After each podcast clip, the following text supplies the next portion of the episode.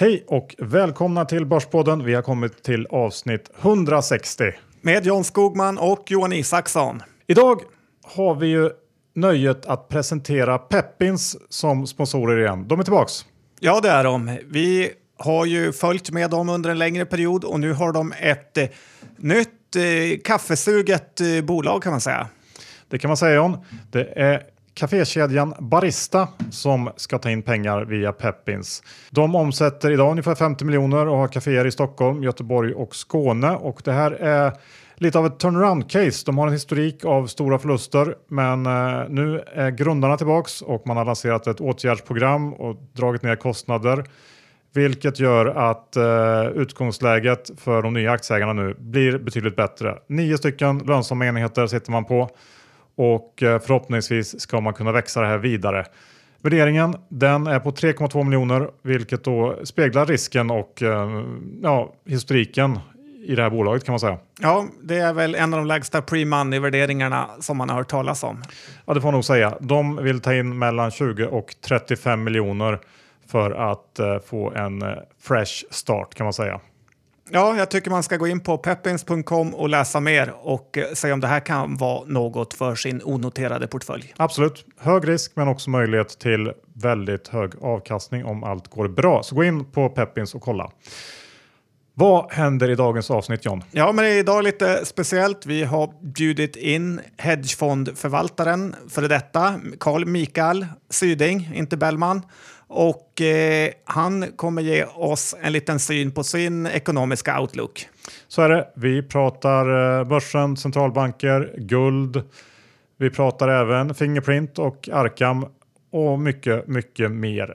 Det var ett trevligt samtal tycker jag. Ja, som det alltid är med Syding. Ja, det är det. Och eh, sen har vi även sponsorer i form av DeGiro, Johan. DeGiro, ja.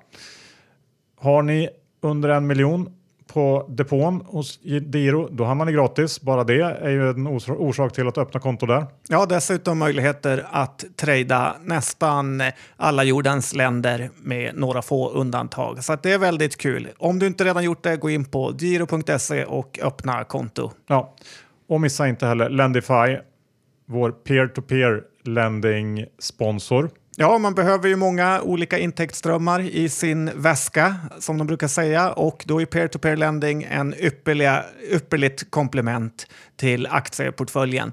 Så gå in på lendify.se och eh, öppna ett konto och se om det där är något för dig. Gör det. Nu ska vi rulla igång avsnittet med Syding och uh, för sakens skull ska jag också nämna att det här är inspelat den 6 september i den klassiska Börspodden-studion. Nu rullar vi! John, vi har Syding på besök i podden igen. Kul! Ja, Carl Mikael, det är dags att plocka hit honom för en liten eh, uppdatering, halvårsuppdatering kan man säga. Det är ja. alltid lika kul att vara här. Hur är läget? Jo, det är bra. Eller det är det faktiskt inte. Vadå då? Därför att eh, jag har haft en hård helg. Men eh, jag är nästan tillbaka. Okay. Du klarar det nog. Du, eh, vi sågs ju sist egentligen i Tokyo här i maj i år. Mm. När vi åkte på någon slags tripp dit för att undersöka hur Japan egentligen är. Vi kanske ska börja där helt enkelt. Eh, ta någon slags liten, eh, liten återkoppling och, och se vad vi egentligen tog med oss därifrån. Har du mm. några spontana eh, reflektioner? Ja, kanske den, eh, en mer svepande makroobservation är att när man väl kommer iväg någonstans så, så är det alltid annorlunda än man tror. Och just därför så tycker jag att man ska tvinga iväg sig själv och kanske också rekommendera andra att just göra det. Åka iväg på riktigt till andra ställen och bara öppna sinnena. Ja. Fanns det några sådana här um, andra generella uh, grejer då som man kunde plocka med sig? Typ uh, Många jämför ju Japan med, man kan jämföra Japan och titta på vad de har gjort rent eh, centralbanksmässigt och sådär mot vad vi håller på med i Europa och USA nu. Och finns det någonting att, att eh, lära därifrån eller som man kan eh, tänka på? Jag tror eh, Kuroda sa bara precis häromdagen att eh, när folk påpekar att det, det finns ju ändå någon typ av begränsningar för penningpolitiken så, så sa han att eh, det gör det inte alls. Så man kan säga att det är verkligen en, en trailblazer här som, som tycker att det, det finns faktiskt inga som helst begränsningar. Och eh, kanske en lärdom är, för att ta fasta lite grann på, eh, på din positivism här från eh, något tidigare eh, avsnitt, att eh, Japan har klarat sig så här långt riktigt bra, trots en dubbelt så hög eh, statsskuldskvot som, som eh, tvåan och eh, en vansinnig penningpolitik. Vilket antagligen talar för att man kan fortsätta göra samma sak i flera andra länder. Det finns några specifika, jag tänker ju att man blir verkligen varse hur homogen befolkningen är och hur, hur liksom enat landet är när man kommer till Japan. Jag tänker att det i sig kan göra och underlätta den typen av politik och kanske göra att den håller lite längre än i andra länder. Ja, i och med att de till exempel inte har någon eh, direkt utlandsskuld. Eh, Sådana saker och att, eh, ja, som du säger, det är lättare att hålla ihop om man är helt homogen. Men alltså, någonstans så, så tror jag egentligen inte att det är det som är förklaringen. Eh, jag har ingen riktigt bra förklaring på, på varför det håller, men jag har ju heller ingen förklaring på varför det håller i Europa och USA också.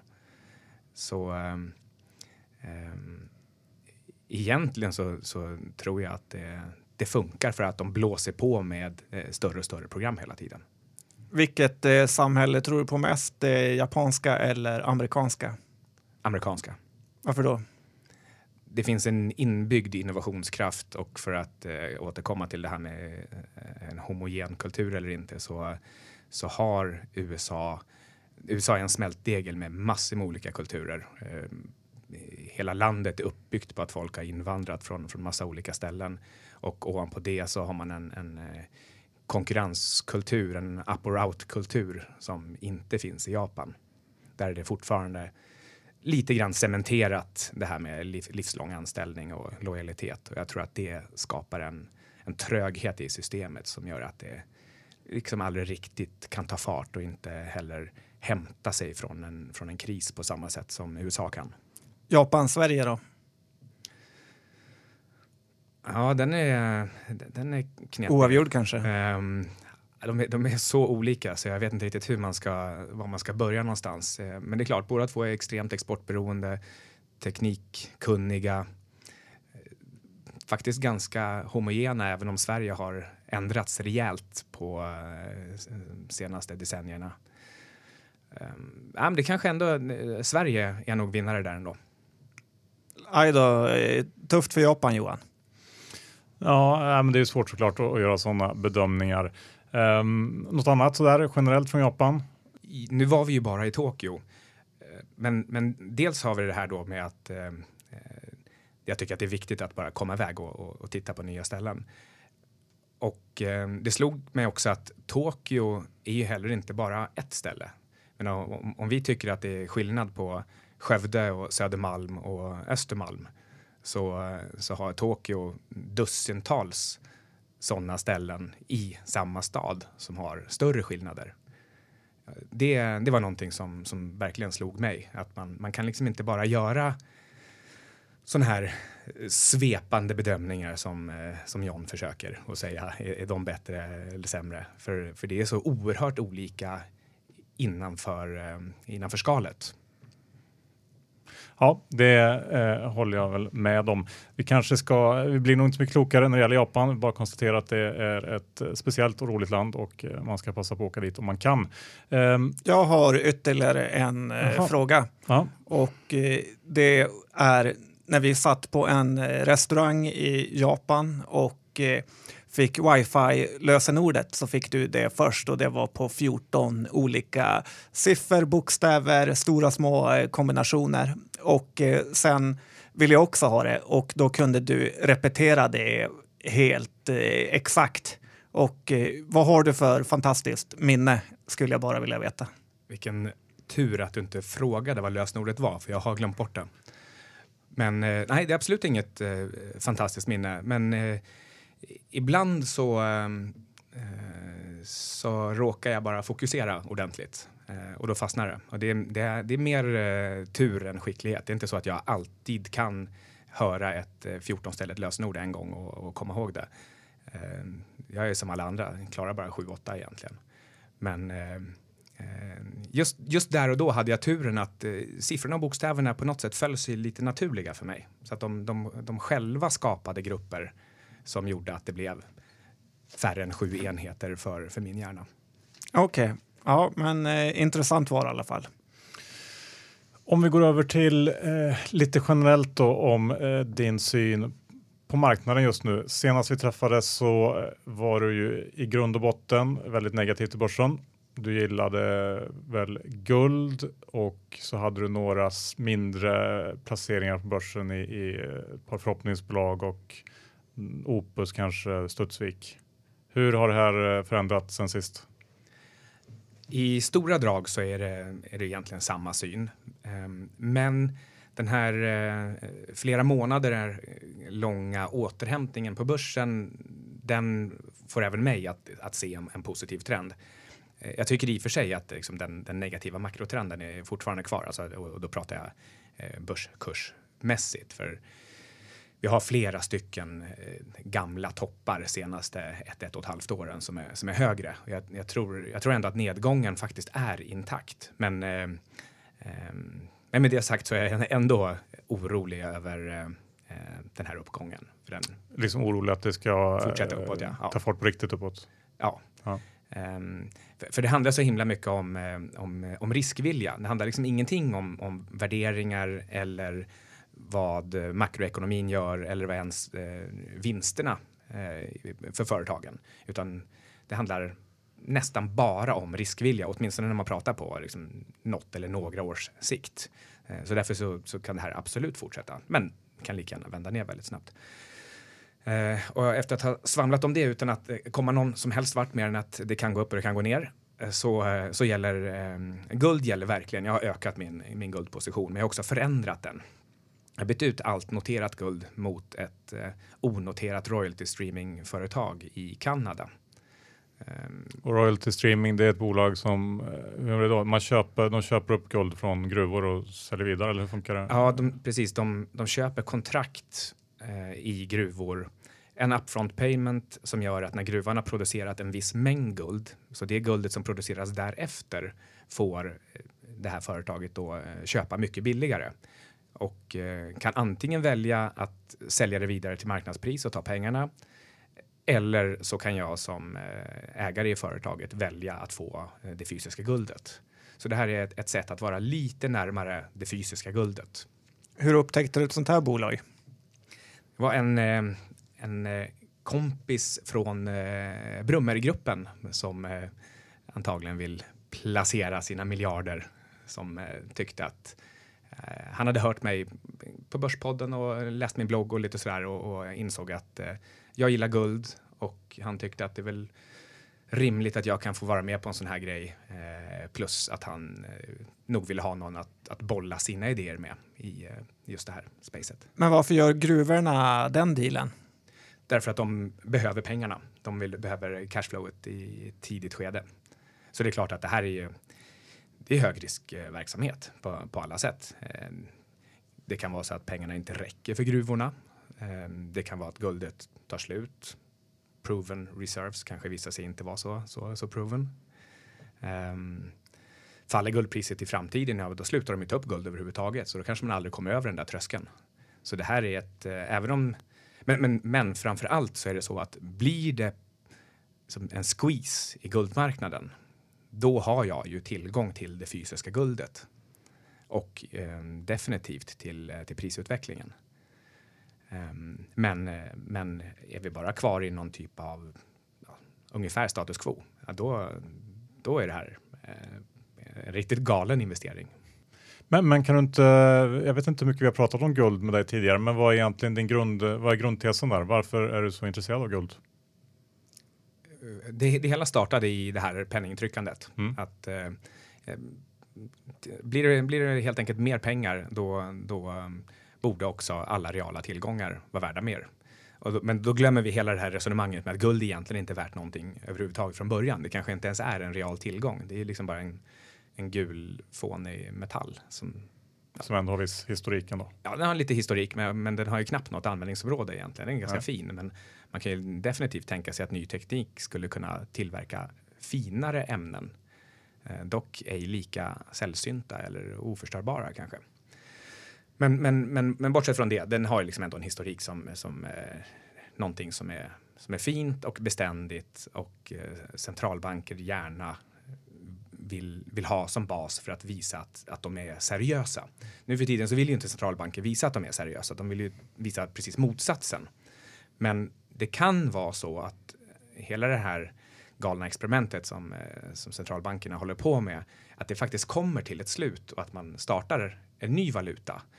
Det kan vara en, en eh, SDR på global nivå. Det kan vara andra länder som går ihop och säger men vi startar en egen någon typ av valuta som förhoppningsvis blir en reservvaluta och för att visa att vi är seriösa så, så backar vi den med just guld för att det finns bara en viss mängd.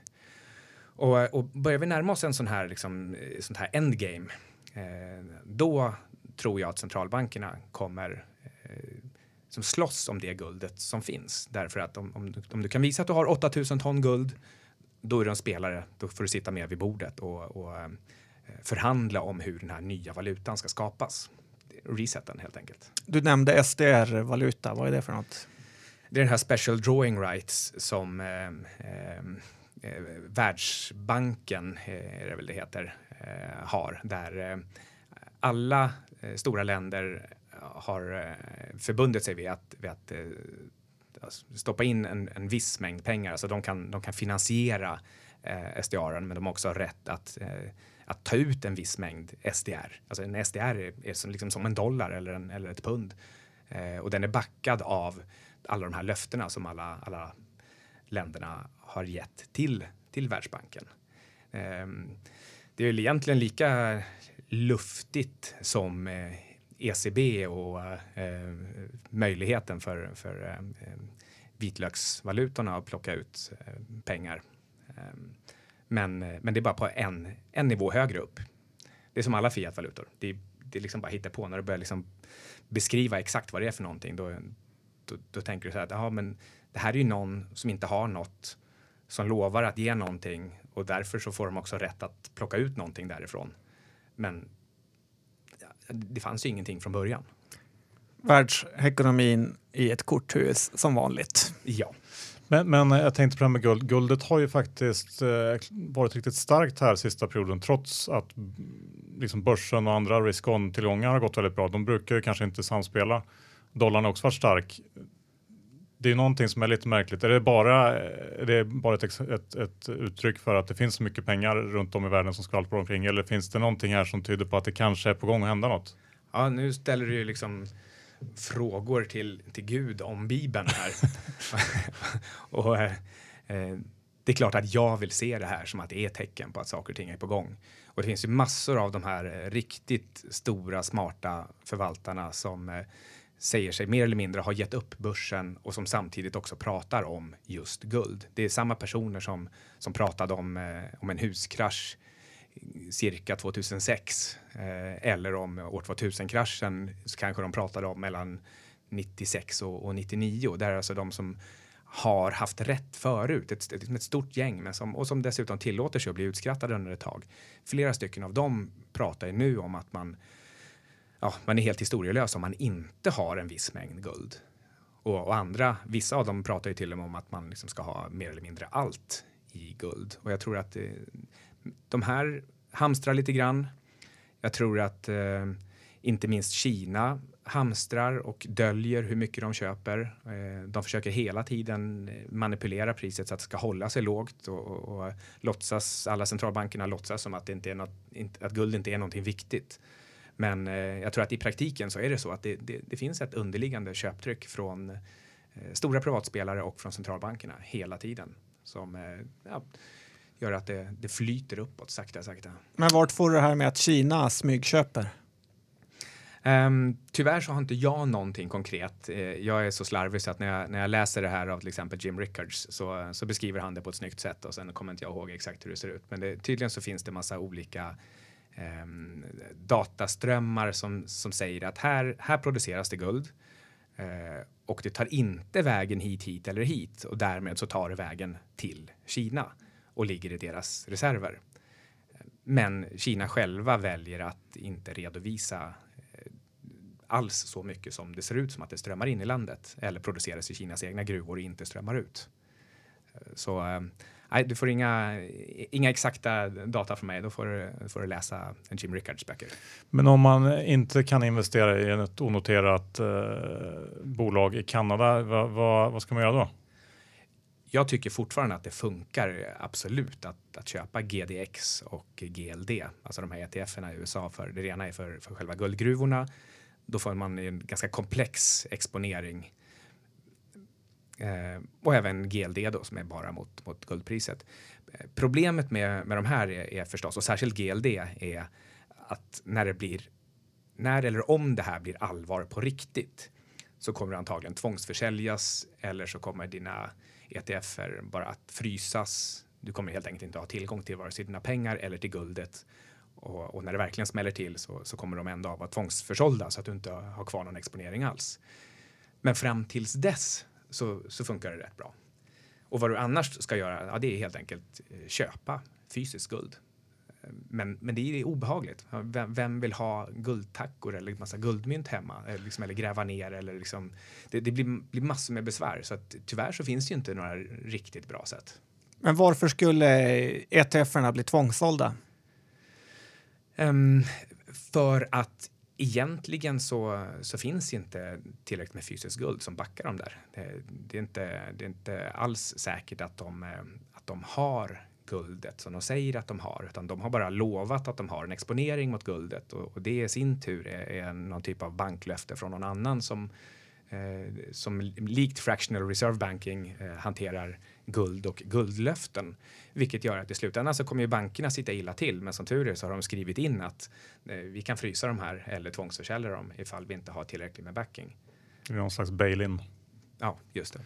Jag, jag har faktiskt eh, den lilla guldportion jag har i min depå. Det är en, eh, någon som heter Sprat eh, Gold Trust eller något sånt. Physical, den FIS. Ja, FIS. Mm. Som jag ändå tänker gör, går lite åt det här hållet, men jag vet inte riktigt om hon är helt skyddad. Men de har ju i alla fall allt guld förvarat eh, själva och inte hos bank. Och eh, jag tror även det är så att man kan kolla på guldet och få det eh, hemskickat. Mm. Jag hade uh, Fizz på slutet innan jag bytte om till den här. Så jag, jag, tycker också att Fizz, Fizz är faktiskt den bästa. Den näst, ja, den näst bästa förutom mm. fysiskt kanske. Ja, det är kul att sitta här med två så positiva grabbar. Ja, ska vi kanske lämna eh, guldet därhän och eh, titta lite på oljan? Ja, oljan är speciell. Jag har ingenting i olja just nu. Eh, jag var på väg att försöka köpa in lite grann eh, i den här liksom dippen som var eh, för någon vecka sedan eller om det var två, jag kommer inte ihåg. Men nu, nu är det väl en dipp på gång igen nu. Ehm, men, men för tillfället så, så är jag inte intresserad. Jag tror nämligen att nu kommer vi in i i höstsäsongen här, så kallade shoulder season efter driving season och det är nu som vi ska få se eh, lageruppbyggnaderna och, och kan få det här liksom problemet igen med, eh, med eh, att lagren faktiskt blir fulla. Det blev ju liksom aldrig riktigt någon kris förra gången. Och, men, men, men den här gången så ser i alla fall starten på, på höstsäsongen ännu värre ut än senast. Så om, om VTI står, jag vet inte vad den kan stå idag, 40, 45 eller någonting sånt. Ja, ungefär. Eh, det, det, den, jag tror att den eh, definitivt kan i alla fall falla till 35. Och, eh, och det är utan att det blir liksom någon, att det krisar med lagren. För krisar det med lagren liksom på allvar, då ska den ju ner till, till nya lows. Med krisar menar du att de är överfulla? Ja, de, de, har ju liksom förstås hittat massa, massa bra sätt att lösa det här på nu och plocka fram massa tankerfartyg som oljan kan ligga på. De har byggt ut de här pipesen från, eh, från Cushing eh, ner till PAD 3. Och, liksom, alltså det finns ju massa lösningar så att man, man, kan pumpa oljan fram och tillbaka. Men det underliggande problemet finns fortfarande där. Att det, det tillverkas för mycket olja för att Iran vill se till att komma upp på banan på allvar. Och det verkar som att hela den här eh, shale eh, gas eh, och liksom oljeindustrin i USA, den, den, liksom den, den bara vägrar dö. Bland annat för att det är nollränta, så man, man kan hålla liv i dem. Um, och det gör att uh, mitt huvudscenario är vi ska få en, en till riktig urblåsning. Och det kanske till och med kan bli så att det är lite säsongsmässigt. Och nu går vi in i samma säsong som de senaste två årens eh, olje, kan vi kalla det för kriser på nedsidan. Och det kanske är dags för liksom, det tredje gången gilt. Antagligen ska man köpa tidigare än jag tror, men, men jag tror definitivt inte att det är nu innan vi ens har börjat shoulder. Så korta norska oljebolag som tar oljan från Östersjön med andra ord. Ja, det blir bra. Eh, ska vi bara ta lite kring det här med vad som egentligen hände i somras vid Brexit och nu är börsen upp 15-16 eh, procent någonting sedan dess. Vad hände egentligen? Jag skrev ett eh, blogginlägg. Det var det som hände. um, nej, men jag, jag, jag, skrev ju faktiskt innan det här hände att uh, man ska vara lite försiktig med vad man önskar sig. Um, om det inte blir en Brexit, då trodde jag att det skulle liksom bli sotdöden bara fortsatte helt enkelt. Liksom sakta tickande neråt. Men tvärtom, om det blir en Brexit så kommer centralbankerna eh, lova allt möjligt, allt som behövs förutsatt att inte börsen redan går, går i förväg för att den fattar att det är det som kommer hända. Och jag tror att det är precis vad som hände. Eh, Draghi eh, drog på sig liksom stora trumman och, och började berätta att eh, här gör vi vad som helst. Um, och, ehm, ja, efter, och eftersom det faktiskt inte händer någonting rent konkret på flera år och vi har centralbankirer som springer ut och säger att det här, det här löser vi på liksom, med vilka medel som än, som än, än behövs. Ehm, då, då känner sig alla liksom lugna och trygga med att, att uh, man, man kan säga så här förresten vi har visat nu i ganska många år att ekonomin svarar inte alls på det här penningtryckandet. Men centralbanken har också visat i många år att det skiter de i. De, de, åtminstone så eh, struntar de i den här kopplingen till den riktiga ekonomin. Så att, men, men däremot så tänker de fortsätta trycka pengar. Och det innebär att om det inte finns någon transmissionsmekanism mellan pengarna och ekonomin men centralbankirerna lovar att de ska, de ska trycka så mycket att det händer något fast det inte kan hända någonting. Ja, då kommer de ju trycka hur mycket som helst. Eh, och det, det läcker bara in på börsen. Det, det är bara det vi ser. Eh, eh lite grann rent mekaniskt läcker in på börsen för att man tvingar folk att sälja en viss typ av instrument och köpa andra. Eh, men kanske framför allt så, så underblåser det risktoleransen för att man tror att det har en effekt på börsen. Och, ehm, ehm, och en sån här sak som Brexit, det, det, bara ger ytterligare bränsle för centralbankirerna att, att säga att mm, nu kör vi. Man kan väl vända på det också och säga att, att om de inte gör det så finns det väl en överhängande risk att, att börsen inte skulle må så bra och då skulle vi all, ganska säkert få se effekter i den reala ekonomin också. Att det liksom blir, om de inte fortsätter, då blir det verkligen, då blir det recession.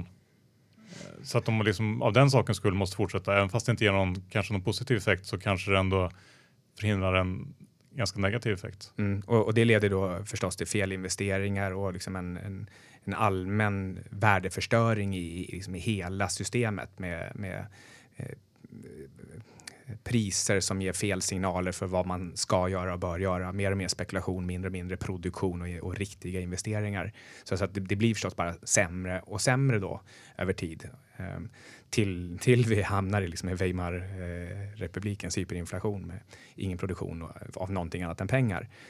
Eh, men jag förstår att, att alla alla myndighetspersoner tycker att det här är alltid det bästa, åtminstone det närmaste året. För de vill ju inte vara liksom, den där folkergubben som, eh, som förstör allting.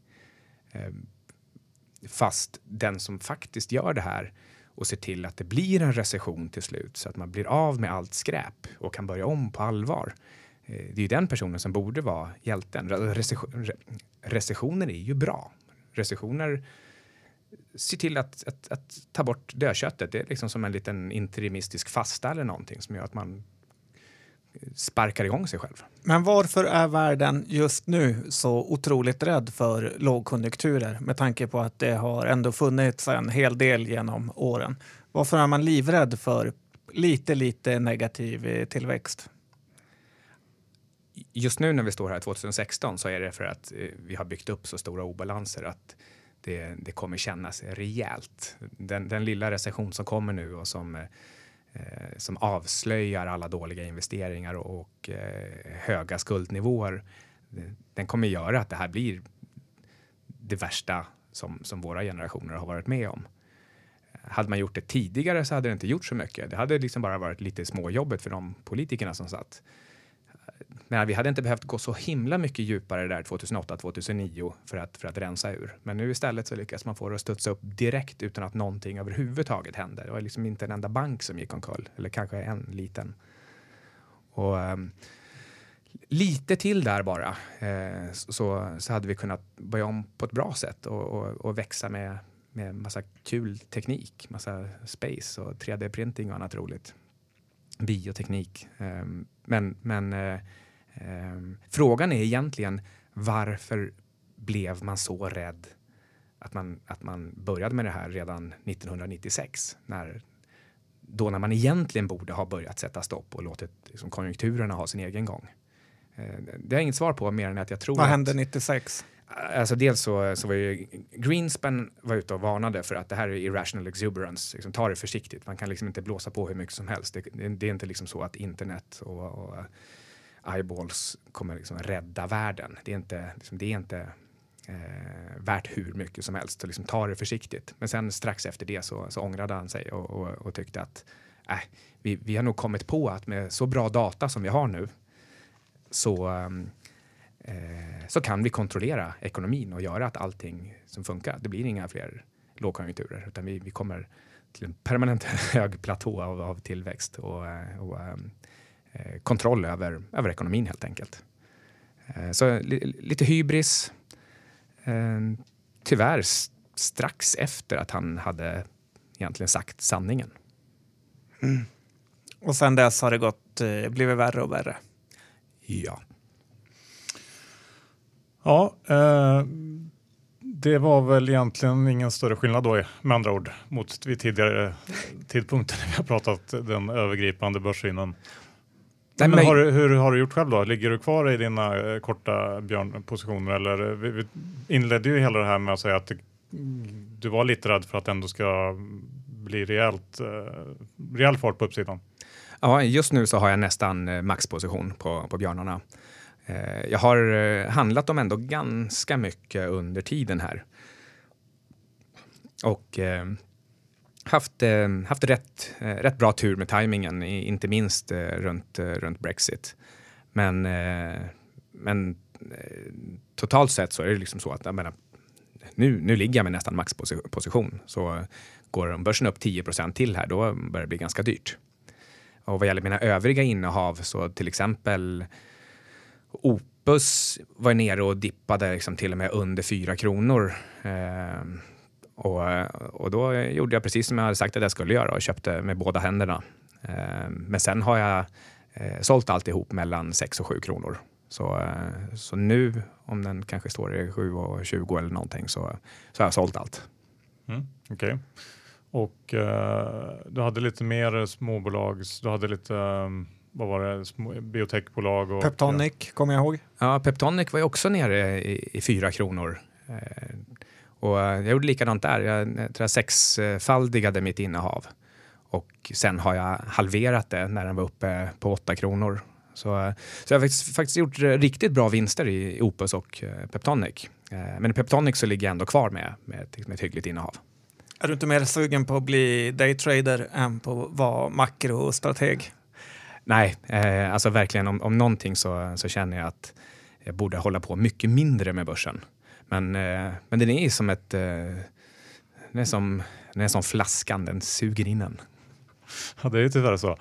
Det är jobbigt, men eh, eh, vi kanske ska prata lite om de här teknikbolagen också som du ju eh, haft åsikter om. Jag tänker då på eh, kanske Arkam som är aktuellt idag, för det var idag när vi pratar här som budet på Arkam kom. Ja, när vi träffade dig förra gången så frågade vi vilket bolag du trodde minst på, Fingerprint eller Arkham och då valde du Arkham. Idag köps det upp. Känns det eh, tungt?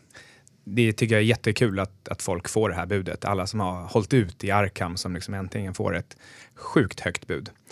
Och eh, eh, jag, jag, ser verkligen framför mig hur den här företagsledningen har förhandlat till sig liksom precis liksom till sista kronan eh, och sen eh, jublande kan gå ut och säga till sina aktieägare att eh, ta det här nu, vi rekommenderar verkligen det här budet för det, det blir verkligen inte bättre än så här. Um, och, och, det här kom ju dessutom väldigt kort efter en ganska dålig rapport från Arkham. De, eh, Alltså visst, det är så att eh, det är en eh, ganska lampig liksom, försäljning i Arkham. Det, det kommer bra kvartal och det kommer dåliga kvartal. Men, men när det kommer ett så här liksom, eh, dåligt kvartal ändå så, så visar det att det är inte så att maskinförsäljningen bara exploderar uppåt. Utan det kommer, precis som det har gjort liksom i tio år, det, det hackar sig fram visserligen uppåt, men det är inte, liksom någon, det är inte någon supertillväxt i antal maskiner de säljer. Så jag tycker att man ska vara verkligen jätteglad att det här budet faktiskt kom och det kommer bland annat för att vi haft nollränta i snart tio år. Man kan ändå läsa på chattsidorna att vissa aktieägare inte är helt nöjda och att aktien ändå varit på de här nivåerna eh, tidigare. Vad tycker du om det? Ja, vissa aktieägare förstår helt enkelt inte. Okej, okay. ja, nej men eh, bra. Fingerprint då? Ja, Fingerprint. Jag satt i något som heter EFN eh, Börslunch för, eh, före sommaren precis och eh, hade dem som min shortposition i sommarportföljen. Det här var, då var den under sitt 200 dagars, vilket jag vet inte, kommer inte ihåg vad det var. Kan det ha varit 90 kronor? Kan det kanske till och med vara ännu lägre? Någonstans där, 90-100 kronor. Kanske 80 till och med. Och, eh, eh, sen dess har den ju bara rusat. Eh,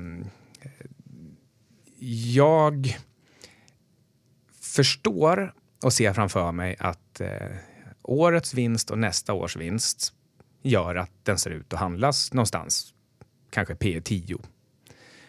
Och det är klart att det ser ju superbilligt ut i den här miljön. Men jag är fortfarande precis lika skeptisk till vad vinsten ska vara kanske 2019. För jag har fortfarande så himla svårt att se vad i en fingeravtrycksläsare som är så fantastiskt att ingen annan kan göra det. Um, och, och, med, alltså det, det Fingerprint har gjort som, är, som ändå är fantastiskt, som är nästan industrihistoriskt, det är att de, de höll ut med en produkt som ingen ville ha och som inte funkade i 15 år. Och aktieägarna fick se den här kursen gå från 100 kronor till 2-3 kronor. Det är, det är som fram tills dess så var det en värdeförstöring utan dess like. Men de, de höll ut med tekniken och till slut så blev de då de var, de var i princip de enda som var dumma nog att tillverka en fingeravtrycksläsare. Och då sitter de där ensamma med den absolut bästa tekniken och ett antal års försprång. Men nu när det verkar som att alla vill ha fingeravtrycksläsare i sina produkter för att det det, det är smidigt. Så eh, är det klart att det kommer, andra kommer i fatt. Andra kan också tillverka en liten pryl som, som läser av ditt fingeravtryck eller någon annan biometri. Och eh, jag tror att det bästa man kan hoppas på eh, för Fingerprint, det är samma sak som i Arkham. Det vill säga att eh, de säljs på de här nivåerna plus 25 procent. Har du någon tänkbar köpare? Nej. Intel? Nej, jag har ingen tänkbar köpare alls. Micke Syding AB? Mm. ja, det, det, nu, nu, tänkte jag på en, en, en annan sak. Um, och uh, det gäller väl generellt kanske om, om man är kort någonting, nu vet jag att du inte är kort Fingerprint, men om man är kort någon aktie eller kanske om man har eh, något lite mer makroaktigt tema som man handlar på och hur tänkte du, och det kanske var framförallt när du var hedgefondförvaltare, hur tänker man egentligen när man, eh, när man lägger på en sån trade eller en sån affär? Eftersom man, det är väldigt svårt att, att uh, man måste tajma det så mycket, man måste ha rätt, inte bara rätt i idén utan även i tiden så att säga. Förstår du vad jag menar? Mm, absolut, det var ju ett, eh, ett ständigt mantra att långpositioner, de brukar liksom sköta om sig själv. Om, om du inte har liksom gjort ett riktigt dåligt jobb så, så kommer tiden alltid tala för dig. Det finns ju nästan alltid någon typ av tillväxt på 2, 3, 4 procent nominellt underliggande i, i världen i alla fall. Och då, då flyter de där långpositionerna upp på något sätt så länge det inte missköts rejält. Medan kortpositionerna Ja, det är precis tvärtom. Då kan det bli uppköpt, det kan komma in någon ny duktig vd eh, och så vidare. De, de är liksom alltid eh, mycket, mycket större risk i portföljen. Så eh, det allmänna rådet är alltid att blanka aldrig. Utom om du har väldigt, väldigt, väldigt goda skäl. Och kanske inte då heller, för så goda skäl har du inte förrän liksom ytterligare lite senare. Så, så du ska liksom alltid försöka tvinga dig själv att vänta ännu lite till, ännu lite till. Man kan till och med också säga så här att varför, varför skulle du blanka överhuvudtaget egentligen? Det, det finns liksom det finns liksom ingen anledning. Det är aldrig bråttom att tjäna pengar på att liksom hitta den perfekta blankningen. Om det inte råkar vara så att du har startat en fond och sålt in den till kunderna som short bias eller någonting liknande. Eller att du i alla fall inte ska förlora pengar när den går ner. Så, så nästan ingen har någonsin någon anledning att ligga kort. Och, och, eh, alla de här sakerna har jag ju sagt till mig själv också innan jag gjorde det här. Men, men så finns det också en, en speljävel i mig som säger att det spelar ingen roll, för jag ska ha rätt. Och det eh, har jag då absolut inte haft. Jag har ju liksom haft eh, så oerhört fel i min blankningsposition. Men eh, men det gör inte så mycket, för, det, för det är ganska roligt också. Ja, det var väl ett eh, bra svar kanske. Nej, men jag förstår eh, vad du menar där. Så helt enkelt, det är svårt och eh, man ska vara försiktig. Mm. Ja, just det, du frågade egentligen om, om eh, hur jag tänkte liksom, utifrån när jag faktiskt var förvaltare, hur vi ja, tänkte ja, då. Ja, precis. och, och då var det liksom ändå så att vi hedgade helt enkelt bara hela portföljen i ganska korta perioder. Det vill säga, vi kanske hade en, en helt en, liksom en 100-150 procent lång portfölj med enskilda aktier. Och så kom det perioder då börsen plötsligt rusade i, i, några veckor eller månader på ett sätt som bara... Ja, det är klart att det kändes ju väldigt kul för våra övriga innehav. Men efter, någonstans under en sån period så, så tittade vi bara på varandra och sa att det här, det här är ju inte rimligt. Det har inte hänt någonting. Det finns ingenting som förklarar den här uppgången. Alla våra bolag, visst, vi tror fortfarande på dem. Vi tycker att de är attraktivt värderade eller ja, kanske, ja, men i alla fall bolag som vi vill ha kvar. Men det är klart, det, det är ju i alla fall inte högre risk att blanka bort hälften av uppsidan. Och då tar man en, en, en, en, en stor negativ position i terminen till exempel över en, över en period för att se om någonting händer. Det är ju bara att minska risken. Däremot är det en helt annan sak att ha en neutral portfölj och tänka vad sägs om att gå nettokorta med hela portföljen? Eh, då, då, måste man då återigen då ha oerhört goda skäl och det, det tyckte vi att vi hade eh, till exempel då 2007, 8, 9. Um, och, eh, och vad vi gjorde då var att vi inledde med att, att köpa crashputtar, alltså out of the money säljoptioner på, på index och som sen då eh, gick in under den här liksom inledande kraschen i januari 2008. Och när väl det hade inträffat så tyckte vi att ja, men nu, nu är bollen lite grann i rullning och vi har massa annan negativ information så, så nu Eh, nu tar vi hem vinsten i de puttarna och sen så ser vi till att, eh, att blanka enskilda bolag som vi verkligen ser kan hamna i problem istället. Um, och det är egentligen alltid det bästa att, att eh, ta de här positionerna i enskilda bolag. För att verkligen sätta fokus på um, för att helt enkelt göra att man, att man, man eh, vet vad det är man tänker. Man vet precis vad det är för beslut man har tagit. För tar man bara en stor blankningsposition i, i ett index, eh, precis så som jag gör nu alltså, eh, då lurar man sig själv. För man har inte alls någon koll på alla rörliga delar i det där indexet. Då blir det bara liksom ett dumt makrokol egentligen som ja, men ingen, ingen vet vad makron är på väg.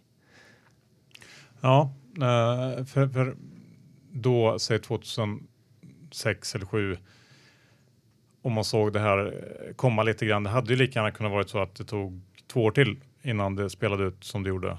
Och givet vad vi ser nu så hade det faktiskt kunnat ta tio år till. Ja, exakt. Eh, man hade ju kunnat säga samma sak om 2014 kanske och sagt att att 2016 då måste det ju vara kört. Mm, precis. Och nu är snart 2016 slut. Ja, och det känns som att jag har sagt exakt så. till, till 2016 är det i alla fall definitivt över. Men om man vänder på det då för att jämföra den här perioden med kanske 99-00. Vilka bolag är det man ska försöka hitta som kan bli uppköpta? För nu har vi haft två uppköp på en vecka med Haldex och eh, Arkham. Vad ska man leta efter för potentiella raketer? Det enklaste är väl egentligen bara att ta, ta fram en lista och se vad som har blivit uppköpt hittills. Eh, och jag har inte den listan, så jag har ingen, ingen bra koll på det. Ehm, men eh, ser du något, något mönster i just Arkham och Haldex? Nej, kanske inte. Men eh, eh ta upp en, liksom, gör det systematiskt. Kolla de senaste, låt säga, 12 månaderna, borde kanske räcka. Och, eh, och bara spalta upp alla uppköp som du kan hitta är de gjorda kontant? Är de gjorda med aktier? Är det en industriell köpare? Är det private equity? Är det, vilken, vilken bransch är det? Och, eh, och bara försök hitta, hitta ditt eget mönster. Jag, jag har inte det mönstret, utan eh, var och en får göra sitt eget jobb. Inte just att liksom försöka köpa bolag på utköpsförhoppningar bland det sämre man kan göra. Och det är nog nästan lika dåligt som att shorta index. Men, men, däremot, Inte så kan, kanske, men, men, men, men, däremot så kan man ju faktiskt eh, göra så att man, eh, man skapar en portfölj med saker man tror på. Och det finns ju alltid ett antal olika kandidater som man funderar på att stoppa in i portföljen. Om, om man har kandidater som dessutom stämmer in på det här mönstret man hittar i uppköp som redan har gjorts senaste 12 månaderna, ja, då kan väl det få väga över som en, liksom en litet extra argument för varför de ska kunna få vara i portföljen. Mm.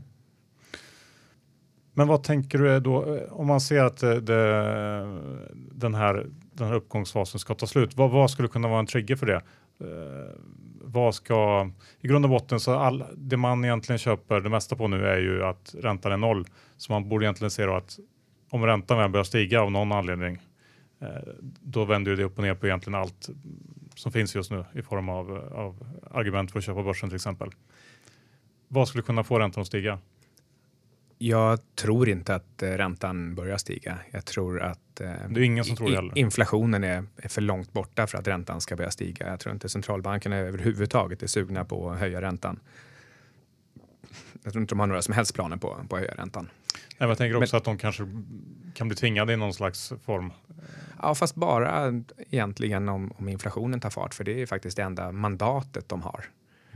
Så, eh, så eh, nej, jag, jag, jag, tror inte att det är räntan, utan jag tror att det, eh, det, blir, det blir någonting annat den här gången. Men om man tittar till exempel nedgångarna nu 2001, 2002 och, och 2008 om man vill så kan man ju uttrycka det som så att triggern var att man sänkte räntan. Man sänkte ju räntan hela vägen ner de gångerna. Så liksom de två största krascherna vi har i, i, i inom, inom överskådlig tid åtminstone, de, eh, de var ju helt och hållet parallellt med kraftigt sjunkande eh, centralbanksräntor. Det kanske blir samma sak den här gången. Att om, eh, om man börjar blåsa på med, med QE och minusräntor så kanske det är det som triggar nedgången den här gången. För att det verkligen ändrar risktoleransen. Att eh, det kryper in i medvetandet att det här, det här är så desperat och sjukt att nu ska man nog faktiskt inte ha risktillgångar. Ehm, men en, det som kanske skulle trigga en sån rörelse i, i, i ytterligare tidigare skede, det är samma saker som som hände då kanske framförallt 2001 men, men eh, även 2008 att man ser att eh, tillväxten verkligen tappar fart. Jag tycker man ser det redan i, i eh, diverse makroserier.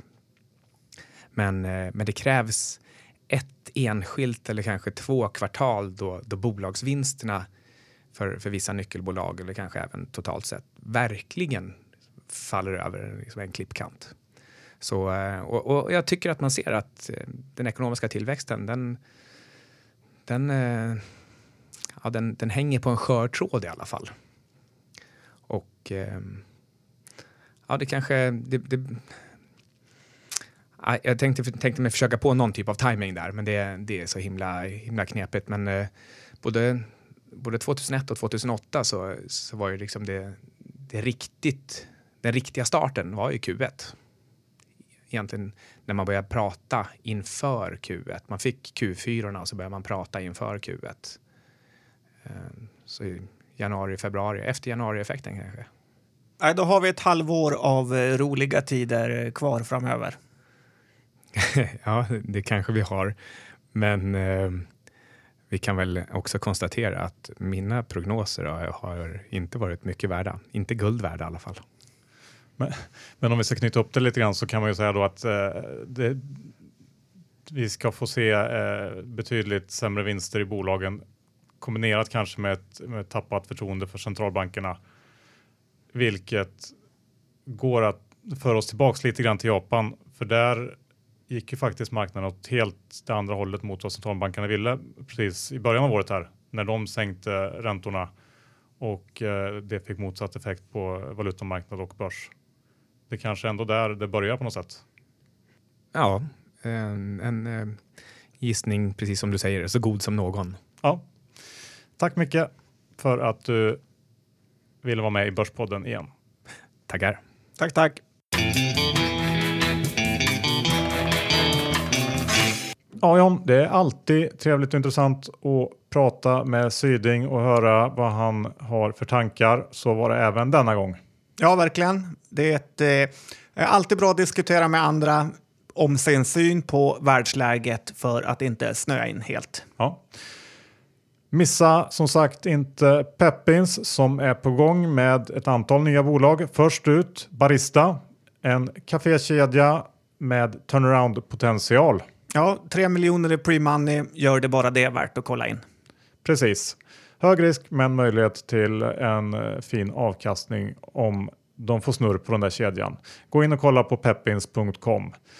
Missa inte heller DeGiro. Men det har väl ingen gjort? Nej, jag tror inte det. Öppna konto där om du inte gjort det. Och Lendify. Ja, nu får man ett helhetsutbud här på Börspodden. Man får onoterat, man får aktier och även peer-to-peer lending som är faktiskt ett väldigt bra komplement att ha i din portfölj med lite intäktsströmmar som tickar in. Så är det. Lendify.se. Ja. Med det sagt så får vi väl säga tack för att ni lyssnade på oss ännu en vecka. Ja, väldigt roligt att vara uppe i 160 avsnitt. Det är det.